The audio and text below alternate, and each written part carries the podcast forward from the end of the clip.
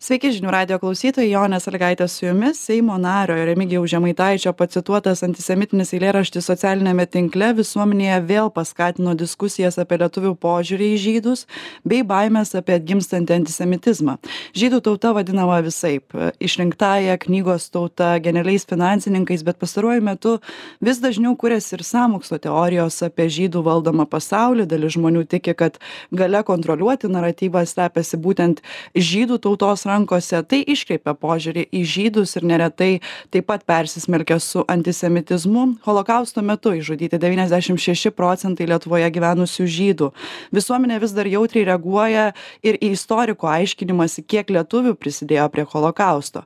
Taigi kaip laikui bėgant keitėsi mūsų santykis su šalia gyvenančiais žydais kur slypi antisemitizmo šaknys lietuvoje kaip jas išrauti ir kaip reaguoti na į dabartinę situaciją kai viešumoje vis dar nuskamba antisemi mitinės apraiškos apie visa tai šiandien ir diskutuosime sveikinuosi su vytauto didžiojo universiteto lektoriumi daktaru linu venclausku sveiki Labą dieną. Ir Vilniaus universiteto istorikė profesorė daktarė Jurgita Verbickienė. Sveiki.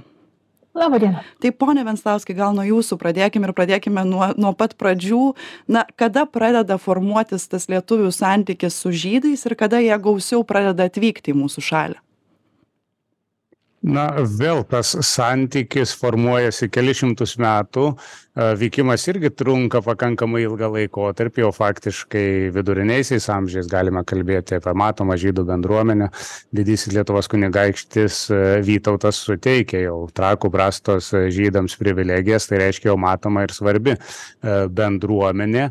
Čia senesni laikai, bet vėl galbūt galima sakyti, akcentuoti, kad keli šimtus metų šitos bendruomenės gyvena kartu šalia viena kitos. Iš mano tyrimų perspektyvos tas modernusis laikotarpis 19 XIX amžiaus pabaiga iki XX amžiaus vidurio, iki holokausto, yra būtent tas laikotarpis, kuomet jau dvi, na vėl pagal principų žiūrėtumėm, savarankiškos, save apsprendžiančios, save formuojančios bendruomenės pradeda bendrauti, bendradarbiauti ir tuos ryšius kurti um, pagal savo na, įsitikinimus ir supratimą. Ir, ir be jokios abejonės, kada kalbam apie lietuvių žydų santykius, yra ir ta pozityvioji pusė, bet visuomet šalia egzistuoja ir na, negatyvoji arba antisemitizmas. Tai iš principo neigiamas požiūris kitų, kitokių vertinimų, ar konkrečiai kalbant lietuvių neigiamas požiūris į žydus atsiranda, manau, nuo pat to laiko, kada tos bendruomenės pradeda šalia viena kitos gyventi. Tai čia toksai ne, ne, neatskiriamas matyti matyt, e, dalykas. Tas požiūris ir vertinimas kito kitaip ir gana dažnai ar pašaipiai, ar šiek tiek pažeminant, žeminant, bent jau darant jį juokingu, tai yra, na, tokia įprasta turbūt forma. Taip mes apibrėžiam savo, taip jeigu primityviai įsivaizduotumėm identitetą, tai būtent taip, kad yra kiti, yra šalia, pagėdautina, kad jie būtų ne tik kitokie, bet galbūt ir kvailesni, galbūt kažko nesuprantantis, galbūt neįvertinantis mūsų potencialo. Ir ta tokia konfliktinė būsena, jinai visą laiką egzistuoja egzistuoja teko šiek tiek skaityti kad na carinės rusijos valdomoje lietuvoje veikiausiai įvyksta tas lūžis kai jau labiau pradedama pastebėt tos antisemitinės apraiškos. Kaip čia yra ponia verbickiene Aš norėčiau, turėčiau atsakymą ir į pirmą jūsų klausimą, nes jisai absoliučiai tiesiogiai susijęs su mano, su mano tyrimais ir kažkada net ir pavyko atrasti tokį dalyką, kad Lietuvo didžioji kunigaikštystė yra visiškai netolerantiška visuomenė, o priešingai yra įsigalėjęs antijudaizmas, kur mes galėtume iš tikrųjų kalbėti labiau ne apie lietuvių žydų santykius, bet bendraja prasme apie krikščionių ir žydų santykius. Ir pirmasis turbūt momentas, kuris ir tampa formuojančių šitų dviejų grupių santykius, visų pirma susijęs su krikščionybė ir su krikščionybės dogmatika ir su suvokimu klaidingų Senojo testamento, nu, Naujojo testamento, atsiprašau, interpretavimų daugybės, daugybės vietų iš Naujojo testamento, kurios ir pagimdė ypatingai negatyvų krikščionių požiūrį žydų bendruomenės atžvilgių, suvokiant šitą grupę kaip, na, Dievo žudikus. Šiandienos bažnyčia, aišku, interpretuoja absoliučiai kitaip, bet lietuvos didžioji kunigaikštystė egzistavęs nusistatymas ir buvo pagrįstas ketvirtam amžiuj diogeno suformuota teze ir jisai buvo toks pats kaip ir to laikotarpio visoj europoj taip kad mes turėtume kalbėti na tiesiog žiūrėti drąsiai savo praeitį pra savo praeičiai akis ir suvokti tą situaciją lietuvos didžiojoj kunigaikštystėj kurią mė mėgstam labai idealizuoti realistiškai. Tai masė įvairių a, prietarų, antižydiško nusistatymo, antižydiškų mitų a, ir netgi to, kas ateina į antisemitizmą, yra tiesiogiai susijęs su kitu reiškiniu, kuris vadinasi antijudaizmu. Tai yra nepakanta žydams religijos pagrindu, nes antisemitizmas jau yra nepalyginti daugiau kompleksiškesnis reiškinys, šiek tiek stumtelės į šoną antijudaizmą, bet tuo pačiu labai smarkiai juo pagrystas. Tai vad XIX amžiuje Lietuvos visuomenį mes turim tokį tranzitinį laikotarpį, jeigu taip galėtume sakyti, aš vėlgi neidealizuočiau, iš tikrųjų egzistuoja uh, ir antijudaizmas, ir antisemitizmas, ir nemaža dalis uh, inteligentijos Lietuvos, uh, literatūros klasikų, ką mes šiandieną suvokiam, uh, yra pasisakė negatyviai apie žydus. Ir vienintelis turbūt toks didesnis išskirtinumas sėtina su XIX amžiaus specifika, kad galbūt lyginant su kitom tuometinės Rusijos imperijos teritorijom, nes tuo metu na, Lietuva neegzistuoja kaip savarankiška valstybė, vyko mažiau galbūt krūvino fizinio susidorojimo. Čia, vat, kad kalbant apie pogromų skaičių lietuviškose gubernijose ir kitose Rusijos imperijos gubernijose, tai va to tokio smurtinio proveržio buvo, buvo galimai mažiau, bet tai neeliminuoja kalbėjimo apie nuolat aplinkui gyvenamo erdvėje ir kasdienybėje egzistuojančią nepagantą. Vėlgi kol kas iki e, rasės teorijos tokio teimo ir įsitvirtinimo iki antisemitizmo kilimo labiau vis tik pagrysta antijudaizmu, tai yra na, iš religijos kylančią nepakantą būtent religinė visuomenė kuri turbūt buvo na viena religingiausių rytų europoje būtent joje reikėtų ieškoti tų antisemitizmo ir antijudaizmo šaknų Nematy, nemanyčiau, mes tiesiog šiaip buvom, buvom normalūs krikščionys. Iš principo, jeigu mes esam normalūs krikščionys ir jeigu sutinkam su tuo, kad esam vakarietiškos krikščioniškos civilizacijos dalis, tai mes iš principo negalime būti tolerantiški ir pakantus. Tai čia tokia, na, iš principo, labai toks santykinai nesudėtingai a, suprantamas dalykas. Sekuliarėjant visuomenėje, antisemitizmas iš principo yra sekuliarus reiškinys kuomet atsiranda naujas, dėl ko atsirado naujas te, terminas, nes žmonės labai, tiek tie, kurie XIX amžiuje į pabaigą gyveno, labai aiškiai pradėjo galvoti, kad na, sekuliarų žmonės pradeda savaip žiūrėti į sekuliarėjančius ir modernėjančius žydus ir reikia nuo apibrėžimo. Taip, nu, nu, kažkoks formuojasi naujas reiškinys. Ir a, jeigu antisemitizmo terminas atsiranda 1881 metais berots, a, ir labai žinomas to termino kuriejas Vilhelmas Maras, tai antijudaizmo terminas kyla iš šiuolaikinės katalikų bažnyčios santykio su savo praeitimi, bandant suvokti, kaip atrodė bažnyčios tarnų ir tikinčiųjų, giliai tikinčiųjų požiūris į žydus. Ir šitas terminas yra santykinai naujas. Tai vat, mes turbūt turim du reiškinius. Vien, vienam iš tikrųjų religijos demuo yra ypatingai svarbus ir pagrindinis. Antisemitizmas tuo pačiu yra gana sekuliarus reiškinys, kuriame religijos dėmuo yra mažesnis arba mažas, lyginant su antijudaizmu, bet vis tik tai tradicinėse visuomenėse visą laiką veikia. Ir mes turbūt nuo savo religinių šaknų, kažkokios na, mentalinių dalykų pakankamai sunkiai galima atsiriboti, net šiandieną sakydami, kad mes esame sekuliarūs pone venclauskai kas vyksta na kai lietuva pirmą kartą atgauna nepriklausomybę kaip tada yra tas formuojamas santykis e, su žydais nes čia irgi įdomus dalykas apie agrarinę šalį ir na tarsi miestiečius žmones žydus ar tas kažkaip jaučiasi santykio nežinau išsiskyrimas kažkoks tarp tarp šitų dviejų polių Vėl čia būtų sudėtingas ir platus klausimas. Mhm. E, nes e, tai, ką Jurgita sakė, iš tikrųjų čia tas antisemitinis e, moderni neapykanta žydam jau yra pakankamai sekuliarus reiškinys ir čia susiduria dvi plotmės. Pirma, tai atsiranda sekuliariam pasaulyje įvairios ideologijos ar galų galia ir politinis susiskirstimas. Tai skirtingos politinės partijos arba srovės jau skirtingai traktuoja šiek tiek žydus. Taip apibendrinant, galbūt galima sakyti, konservatyvioji krikščionių demokratų ideologija besirimanti pasaulyje žiūra išlaiko palaiko tą pakankamai nuoseklų antisemitizmą, kur jau šiek tiek maišosi ir antijudaistinės nuostatos, tos iš religinės sferos ateinančios ir jau šiek tiek moderniosios. Pavyzdžiui, kokia socialdemokratų ideologija atstovaujanti periodiką ar, ar, ar partijos, jos yra pakankamai atviros visom tautiniam grupėm, tame tarpe ir, ir žydams. Bet čia lietuvių modernėjančią, besikūrenčią visuomenę ištinka dar vienas um, aspektas, susiduria su dar vienu aspektu, suprantat, kad modernios visuomenės tai yra miestiečiai valstiečių visuomenės. Ir faktiškai lietuviai save apibrėždami traktuojantys kaip valstiečių tautą jie netelpa į modernaus gyvenimo sferą. Jiem tada reikia turėti savo miestiečių sluoksnį ir čia automatiškai formuojasi na tam tikras socialinis konfliktas. Ir tada žydai pradedami kritikuoti ne na sakykim antijudaistinėj re retorikoj būtų kai ne kaip dievažudžiai tie kurie neatpažino nužudė mūsų viešpatį kristų bet tie kurie yra nesusipratę tie kurie užima mūsų darbo vietas užima mūsų pozicijas ekonomikoje ir tai yra vienas iš priekaištų na ir sakykim tam tikros nesantaikos priežasčių sakant kad štai jeigu žydai būtų susipratę jie suprastų du dalykus. Paraleliai beveik jie yra sakomi pirma tai mokintųsi ir kalbėtų lietuvių kalba o antra būtų sąmoningesni ir jau tokiam vėl kabutėse čia sakau idealiam variante maždaug savo smulkiųjų įmonių ar parduotuvių raktus atiduotų lietuviams nes jie turi suprasti pagal jau tokį na griežtą nacionalistinį mąstymą kad lietuva yra lietuvių sukurta valstybė ir faktiškai jie turėtų užimti tas pagrindines lyderiaujančias pozicijas. Tai čia buvo rimtas iššūkis ir pačiai lietuvių visuomenei kaip iš sakykime iš tos agrarinės bendruomenės virsti miestietiška bendruomene ir tai užtruko keletą keletą dešimtmečių ir tas procesas nebuvo baigtas iki antrojo pasaulinio karo bet tuo pačiu metu tai programavo ir na ir etninį ir socialinį konfliktą pirmiausia su žydais nes daugeliu atvejų ir ypač miestelių atveju jeigu miestai būdavo daugiakultūriai tai ypač mažesni miesteliai čia yra ir tas žydiškas terminas vadinamieji štetlai iš principo didžiąja dalimi buvo gyvenami žydų bendruomenių. Ir tai natūraliai kažkuria prasme galim sakyti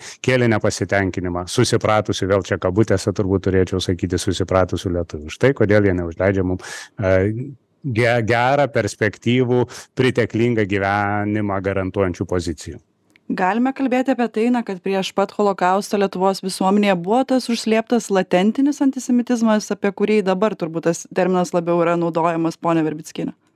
O galim kalbėt ir apie latentį ir ir apie atvirai išreikštą.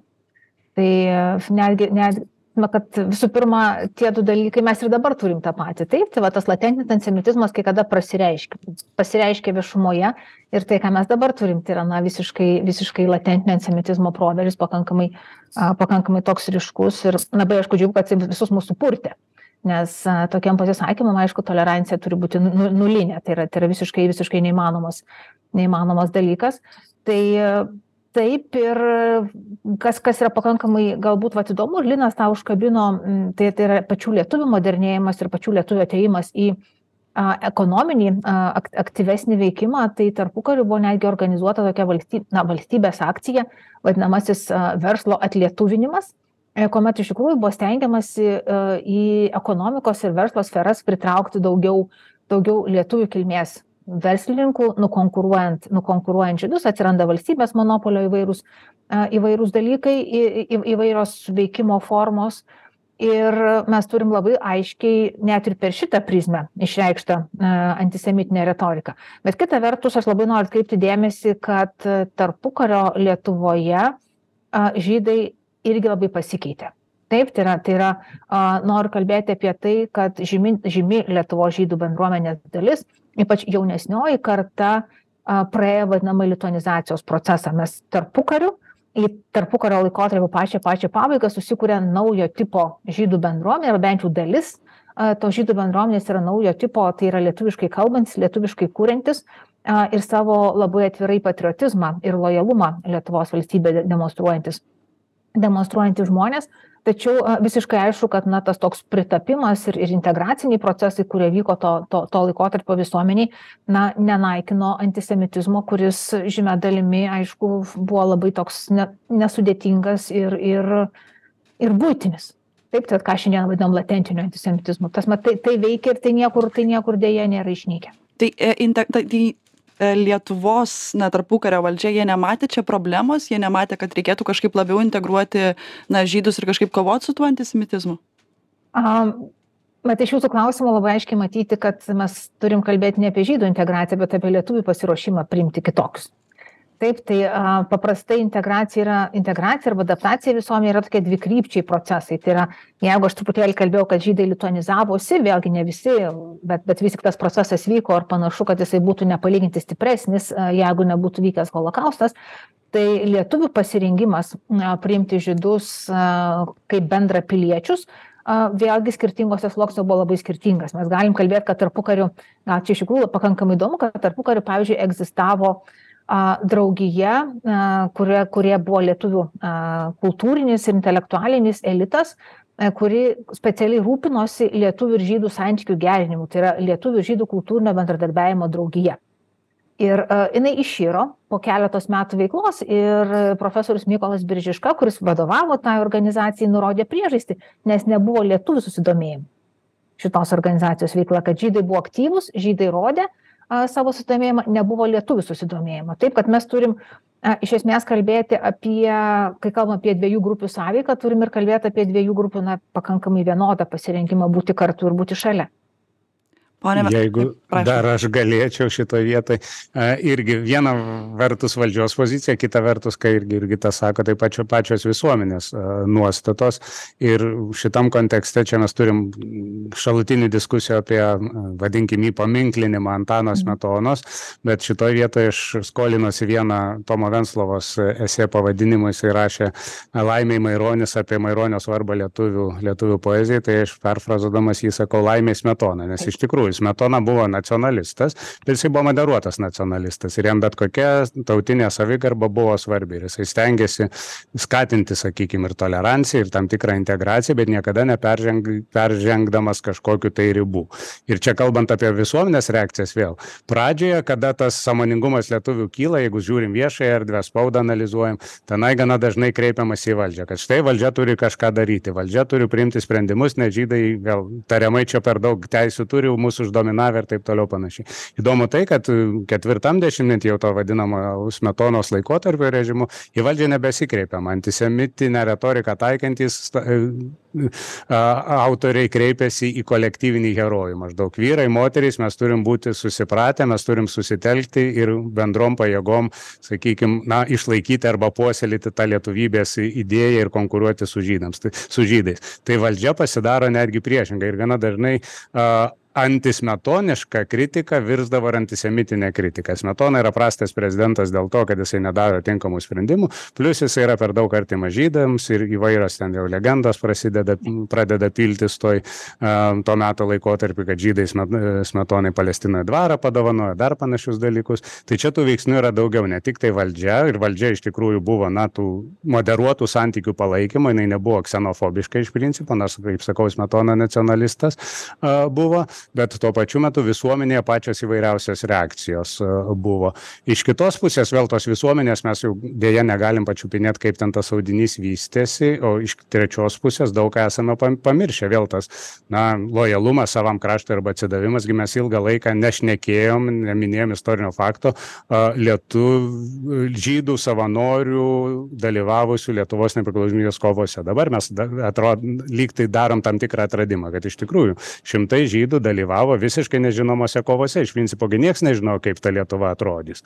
Kada tai buvo kuriamo, kuriamoji stadija. Lietuviai save asocijuoja, na, vėl pagal kalbą, pagal kultūrą. Žydams tai yra visiškai, visiškai nauj, naujas, nauja patirtis arba naujas eksperimentas. Bet jie, sakykime, moka aukščiausią kainą, tai yra rizikuoja savo gyvybę dėl to, kad jie pradeda tapatinti su moderne šio laikiška Lietuva. Tai tas santykis yra, yra kelių plotmių bent jau, ne tik valdžios, bet ir visuomenės, individualių tam lygmenyje pačių gražiausių istorijų, didžiausių draugysčių galima rasti. Vėl mano minėtas Antanas Metona, vienas iš, kaip suprantu, patikimų ir gerų draugų buvo toks Jokūbas Robinsonas arba Jacob Robinson. Tai yra, nežinau, pasaulinio garso Lietuvos pilietis, pasaulinio garso, pasaulinio garso kaunietis. Tai įvairiausių istorijų galėtumėm rasti. Bet faktas, kad antisemitizmas tikrai visuomet buvo, nenoriu niekaip sumenkinti to buvimo faktą, tik tai tiek, kad, ką pradžioje sakau, kad tas nusiteikimas priešiškumas arba bent noras pasišpilkuoti egzistuoja na nežinau pagal mūsų turbūt tapatybės apibrėžimą. Galų gale toj pačioj nu vėl vadinkim kabutėse mūsų lietuvoj jau žinom kokį nors anekdotą apie suvalkiečius kaip jie ten kokį nors kupus dar kažką tai tas tam tikras savo tapatybės patvirtinimas kitą pajuokiant pašiepiant žeminant o čia ta radikalesnė retorika kuri ne taip senai iš seimo nario lūpų nu nu nu nu nu nuskambėjo tai jau be jokios abejonės yra visų ribų peržengimas ir tas visą laiką egzistuoja. Klausimas klausimas kiek mes žinom kad egzistuoja tas nusi priešiškas nusiteikimas. Antras klausimas kaip mes į tai reaguojame. Ir čia kuomet reaguojame gindami tas tikrasias demokratiškas vertybės jau mano supratimu yra tam tikras visuomenės brandos požiūris kad mes mes jau turime tą moralinį stuburą turim labai aiškias vertybes trumpą pertrauką padarom tuoj pratęsim grįžtame į eterį ir tęsiame laidą apie antisemitizmo šaknis lietuvoje. Diskutuojame šiandien seimo nario remigijaus žemaitaičio pacituotas antisemitinis eilėraštis socialiniame tinkle. Visuomenėje vėl paskatino diskusijas apie lietuvių požiūrį į žydus. Pastaruoju metu vis dažniau kuriasi sąmokslo teorijos apie žydų valdomą pasaulį. Dalis žmonių tiki kad galia kontroliuoti naratyvą slepiasi būtent žydų rankose.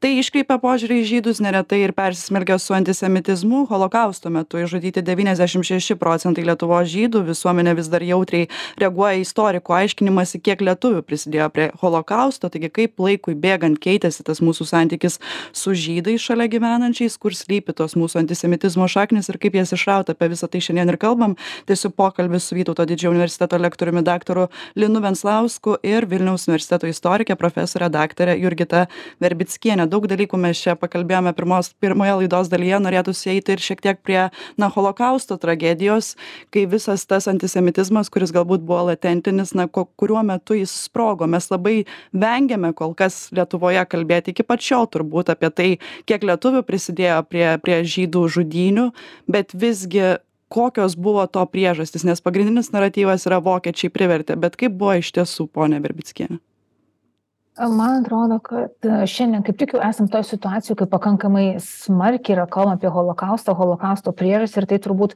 jeigu bandytume žiūrėti į lietuvos žydų istorijos ištirtumą tai galėtume manyti kad tema yra na labiausiai ištirta daugiausia dėmesio sulaukusi ir labai skirtingais lygmenimis ir pjūviais analizuota. Ir aš jau šiemet džiaugiausi vieną sykį kad mes turim kovo penkioliktą nuo šių metų tai yra diena kuri yra skirta lietuviams gel ne tik lietuviams apskritai visiems lietuvos gyventojams gelbėjusiems žydus ir kad atrodo kad būtent šitas žingsnis jau leidžia kalbėti pakankamai atvirai ne tiktai apie gelbėjimą kuo labai dažnai buvo maskuojamas lietuvių kolaboravimas ir dalyvavimas holokauste bet matyti visas gyventojų grupes. Mes turim aukas žydus ir ir tikrai lietuvoj tie skaičiai yra patys na įspūdingiausi aišku negatyviąja prasme kad pas mus išžudyta didžiausia europoje žydų bendruomenės dalis. Mes turim stebėtojus kurie nieko nedarė mes turim tiesiogiai dalyvavusių žudyme ir mes turim tuos kurie gelbėjo. Taip mes matom visą visą spektrą spektrą veikiančių žmonių iš tikrųjų čia labai sudėtingi pasirinkimai. Labai skirtingos politinės orientacijos labai skirtingi lūkesčiai kurie buvo susiję su nacionalsocialistine vokietijos okupacija. Ir lygiai taip pat labai skirtingai išnaudotas pirmosios sovietinės okupacijos dėmuo. Jeigu pabandytume pažiūrėti kas tiesiog priminsiu aš nežinau klausytojai turbūt įsivaizduoja kad kalbam apie santykinai trumpą bet labai a įvykių prikimštą laikotarpį. Tai yra tikrai pirma sovietinė okupacija kuri buvo trumpesnė negu negu vieneri metai tada staigiai antra tada na nacionalsocialistų okupacija ta kitaip sakant situacija kai sovietų sąjunga užpuola vokietiją ir peržengia lietuvos lietuvos sieną. Mes turim birželio sukilimą kuris kuriam buvo rengiamasi ir buvo tikimasi lietuvos nepriklausomybės atstatymo ir tas buvo paskelbta. Birželio dvidešim trečią dieną buvo paskelbta lietuvos nepriklausomybė. Vėlgi trumpa vėl vėlgi vėlgi palaikanti okupacinį režimą su kuriuo minėjau kad buvo susieti visiškai kiti lūkesčiai ir turim birželio dvidešim ketvirtą holokausto pradžią lietuvoj. Taip? Tai iš tikrųjų labai su situacija kurioje paprastiem žmonėm buvo pakankamai sudėtinga susiorientuoti. Tai yra žydai galbūt girdėjo kas darosi kitose kituose kraštuose bet negalėjo patikėti kad taip gali nutikti lietuviai nesuprato kaip elgtis tokioj tokioj situacijoj bent jau dalis lietuvių ta prasme kad tas netikėtumo momentas natūraliai tame egzistuoja bet vis tik buvo žmonės kurie priėmė greitus sprendimus. Vieni nusprendė kolaboruoti ir dalyvauti holokauste kiti pakankamai greitai apsisprendė rizikuodami savo šeimomis ir savo gyvybėmis gelbėti žydus. Taip tai vat ar tame tame turbūt vėlgi reikėtų nebūtų galima pasakyti kad egzistuoja kažkoks unika univik unifikuotas variantas kad vat na yra bendros priežastys kažkokios kurios lėmė vienokį ar kitokį elgesį visų.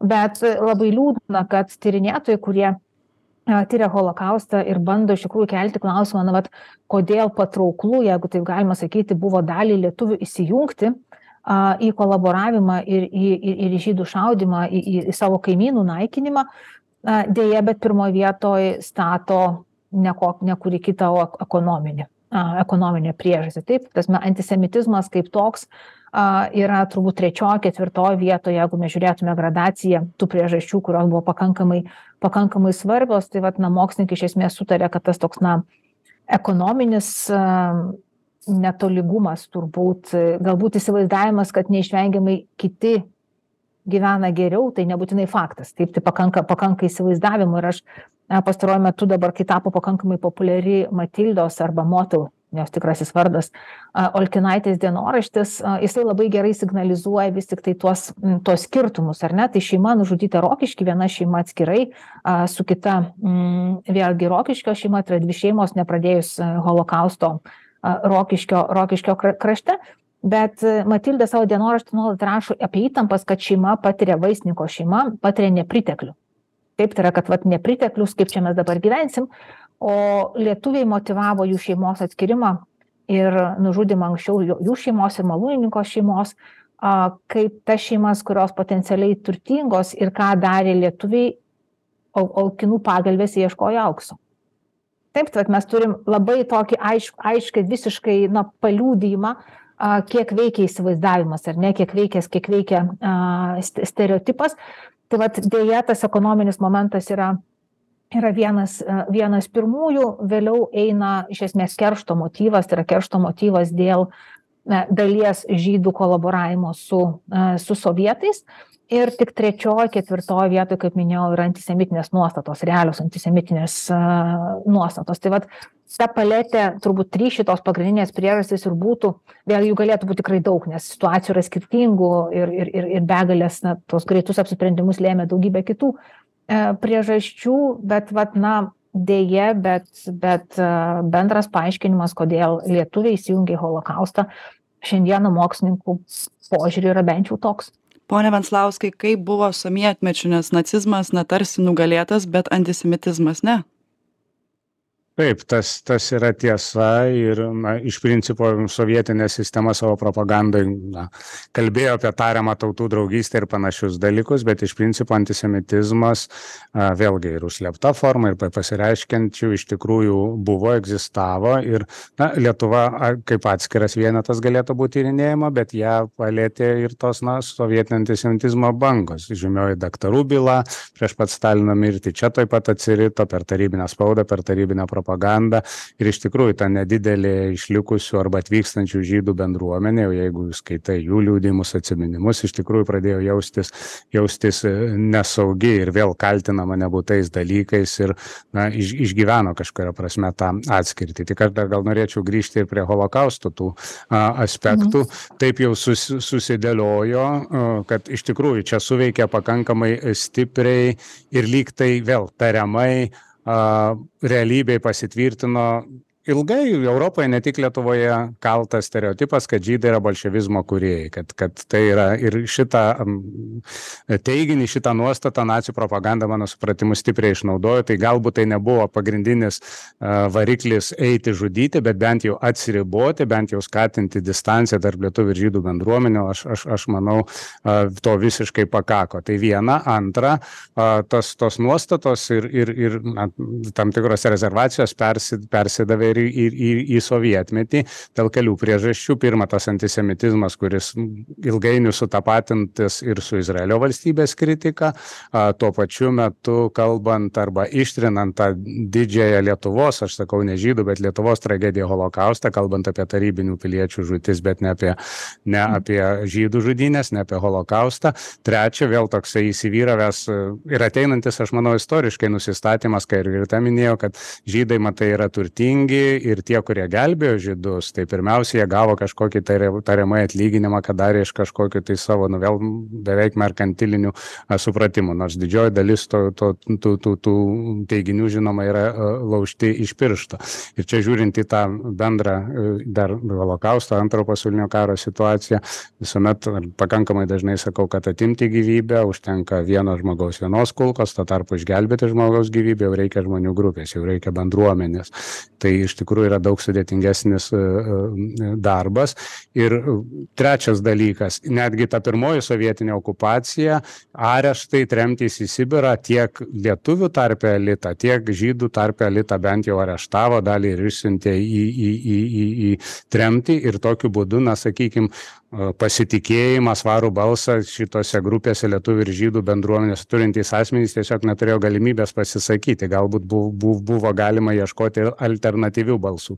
Tai lygiai taip pat esant sovietiniam antisemitizmui viešai nebuvo galima išreikšti tos alternatyvos. Ar netgi tie, kurie prisidėjo prie gelbėjimo ir galėjo liūdyti tą savo, na, iš tikrųjų, drąses, didvyriškas, jeigu taip jau galim sakyti, istorijas, jie vis tiek bijo ir visuomenės reakcijos ir, ir, ir, ir ir sistemos reakcijos. Ir tas antisemitizmas ruseno, vėl jisai gal daugiau buvo matyti vėl per, per, per tokią oficialią ideologinę prizmę.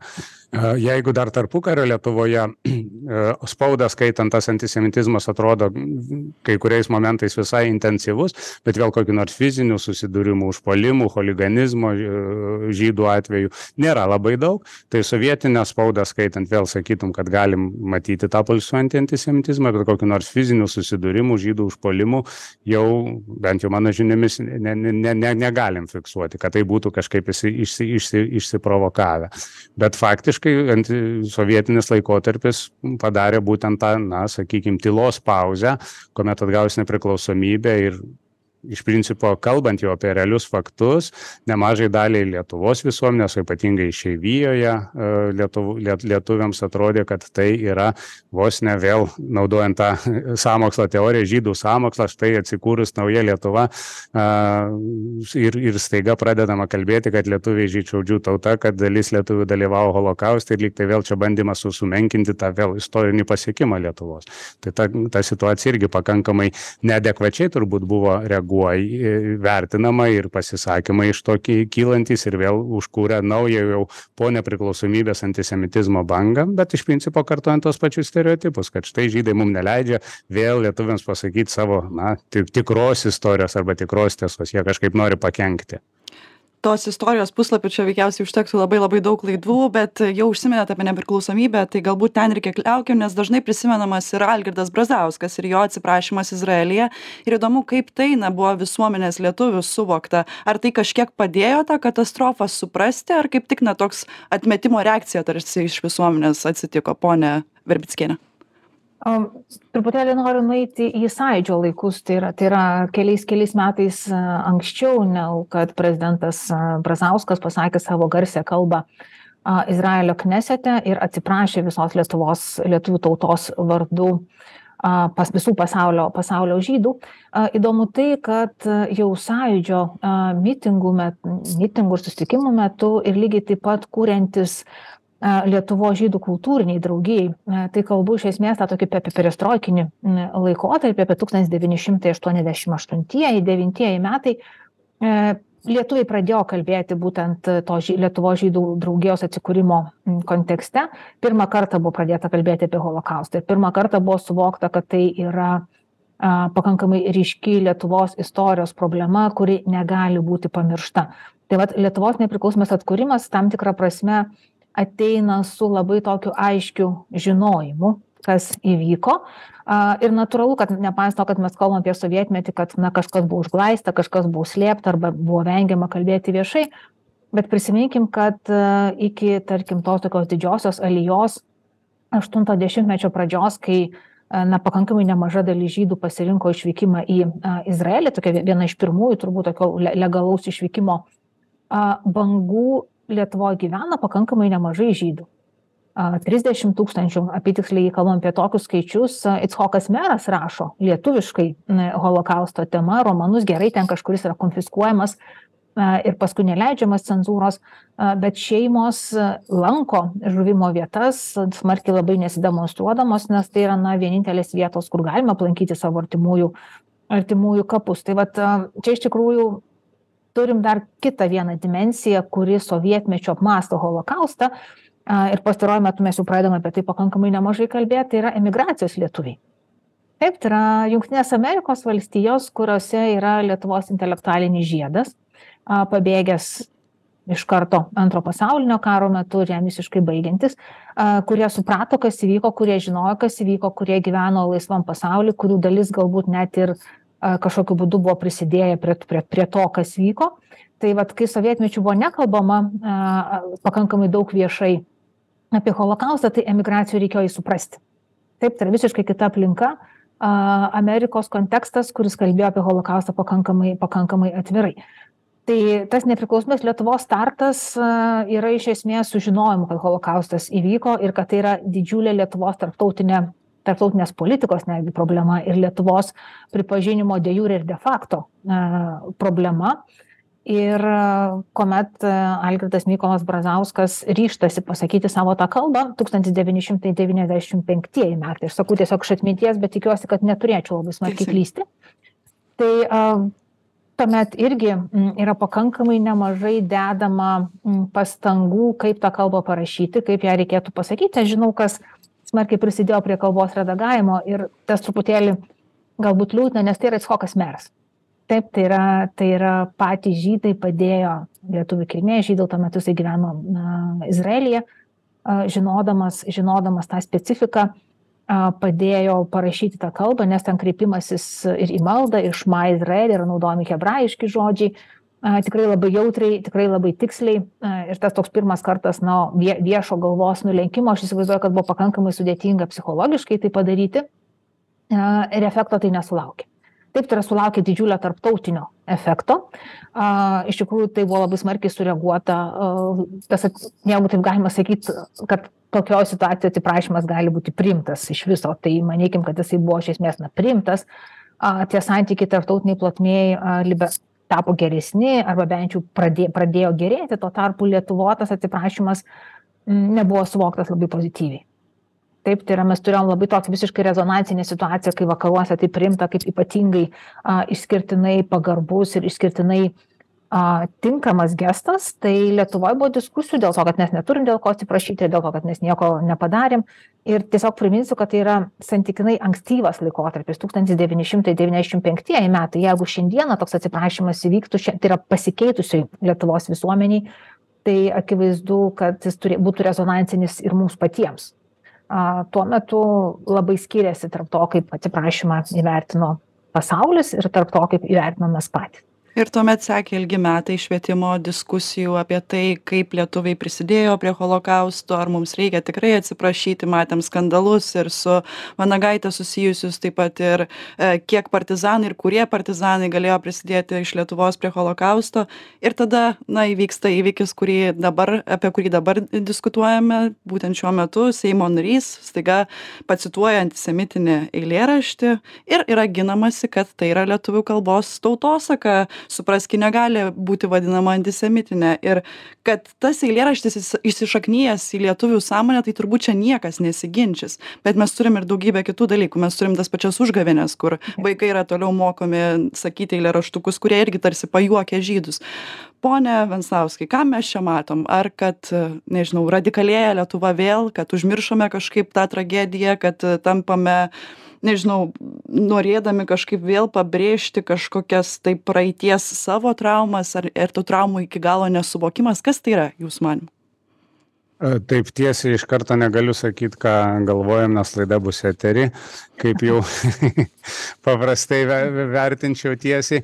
Bet iš tikrųjų tai, tai aš, aš manau, čia keletas simptominių dalykų. Pirma, tai na, politiko tautos atstovo ne, ne, nepagalvojimas, ką, ką, ką, ką jisai cituoja. Gali būti, kad tas dabar aš sakyčiau, kad čia tautosak ar dar kažkas nu, maždaug iš daino žodžių neišmesi, tai čia tiesiog, na, tokia ekvilibristika iš principo, jau jeigu esi o sakom, tautos atstovai Seimo nariai yra vieši žmonės, tu turi dvigubai matuoti ir galvoti, ką tu, ką tu sakai ir, ir, ir, ir atsakingai savo teiginius formuluoti. Kita vertus, gerai, kad jisai pasirodė tas teiginys, tada matom, na, tam tikrą aspektą arba tam tikras vertybės, bet čia galėjo būti refleksyvus, tiesiog kažkur iš pasąmonės iškylantis ir čia yra vienas iš klausimų, kaip atsiranda tas antisemitizmas.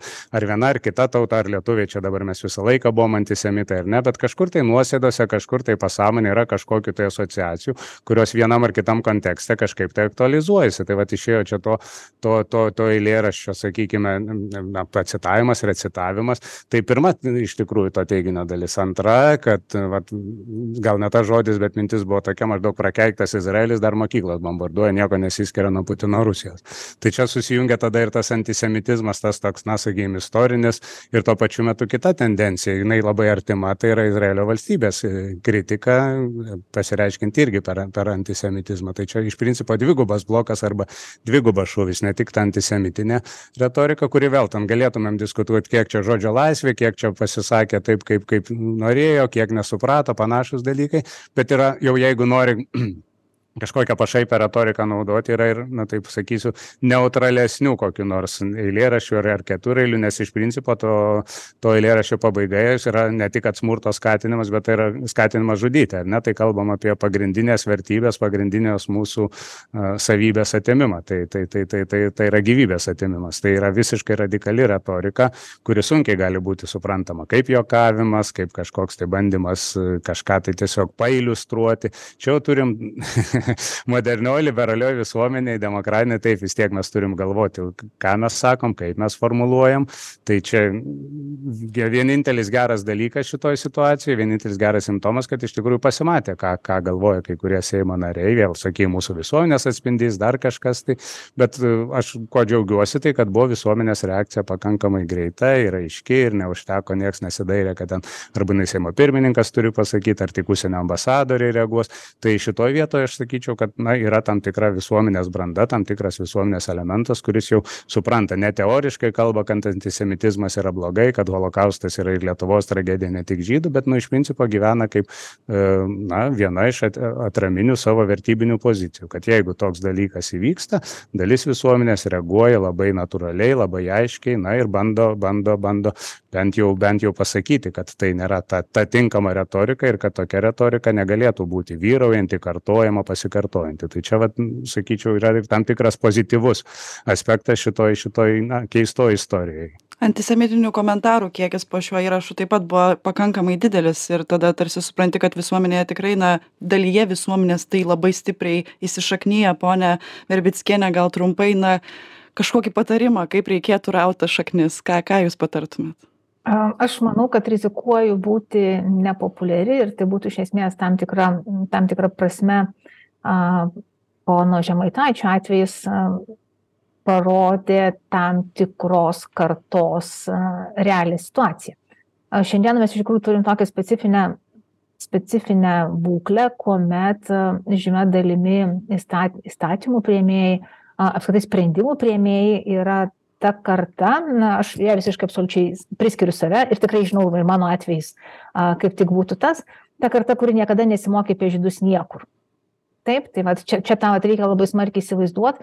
Ir mes turim tikrai labai didelę mm, cezūrą ir skirtumą tarp skirtingų visuomenės grupių tai yra jaunimas studentai turbūt žmonės iki keturiasdešimties apytiksliai metų gal truputėlį mažiau yra tikrai labai gerai edukuoti pakankamai empatiški ir antisemitizmo lygis jų gretose turbūt išskyrus labai kažkokias radikalias grupes kurių natūralu kad visur yra Mm, yra, ne, yra palyginti žemas. Tai yra tos grupės, kurios yra iš tikrųjų tolerantiškos ir jos tolerantiškos pakankamai plačių spektrų įvairiausių klausimų. Taip, tai yra ir LGBT, ir, ir lygiai taip pat kalbant apie žmogaus teisės ir, ir, ir, visus, ir visus kitus uh, dalykus. Bet tuo tarpu tokie kaip aš, ta prasme, aš visiškai nebijau apie tai kalbėti, yra iš tikrųjų ne, nemokyti šitų dalykų. Tai čia tas atvejis turbūt, kuris rodo, kad na, mokytis niekada nevėlu, nes nes tos žinios e, šitoj vietoj tokiems mano mano kartai man tiesiog pasisekė mano disertacija buvo iš to ar ne ir ir ir ir ir kiti dalykai tai čia toks išimtis bet iš esmės tai a tai reikalautų papildomų pastangų. Taip tai yra tai yra sa saviedukacijos ir panašu kad ta saviedukacija a lygiai taip pat stringa ir lieka etnografija taip prasme lieka folkloras. Ir mes esam vis tiktai modernūs žmonės ir kažkurios labai archajiškos etnografinės tradicijos. a keičiasi. Aš jau nesakysiu ko mes nedarom ką darė mūsų protėviai. Taip tai manau kad mes galim ir nedeklamuot viešai tokio tipo eilėraščių net jeigu juos žinom taip tai turėtų suveikti tam tikri saugikliai. Ir čia vėlgi saviedukacijos arba na platesnės edukacijos dalykai. Taip kad na turbūt ir seimo nariams a turėti įvairių paskaitų apie žydų istoriją lietuvoj ir jos vertinimą irgi būtų turbūt ne pro šalį nebūtinai prašausi ateitų paskaitų skaityt ačiū jums abiems už skirtą laiką. Apie antisemitizmą šiandien diskutavom su vytauto didžiojo universiteto lektoriumi daktaru linu venclausku ir vilniaus universiteto istorike profesore daktare jurgita verbickiene šiandien tiek laidą vedžiau aš jonė salygaitė jums klausytojai sakau iki kitų kartų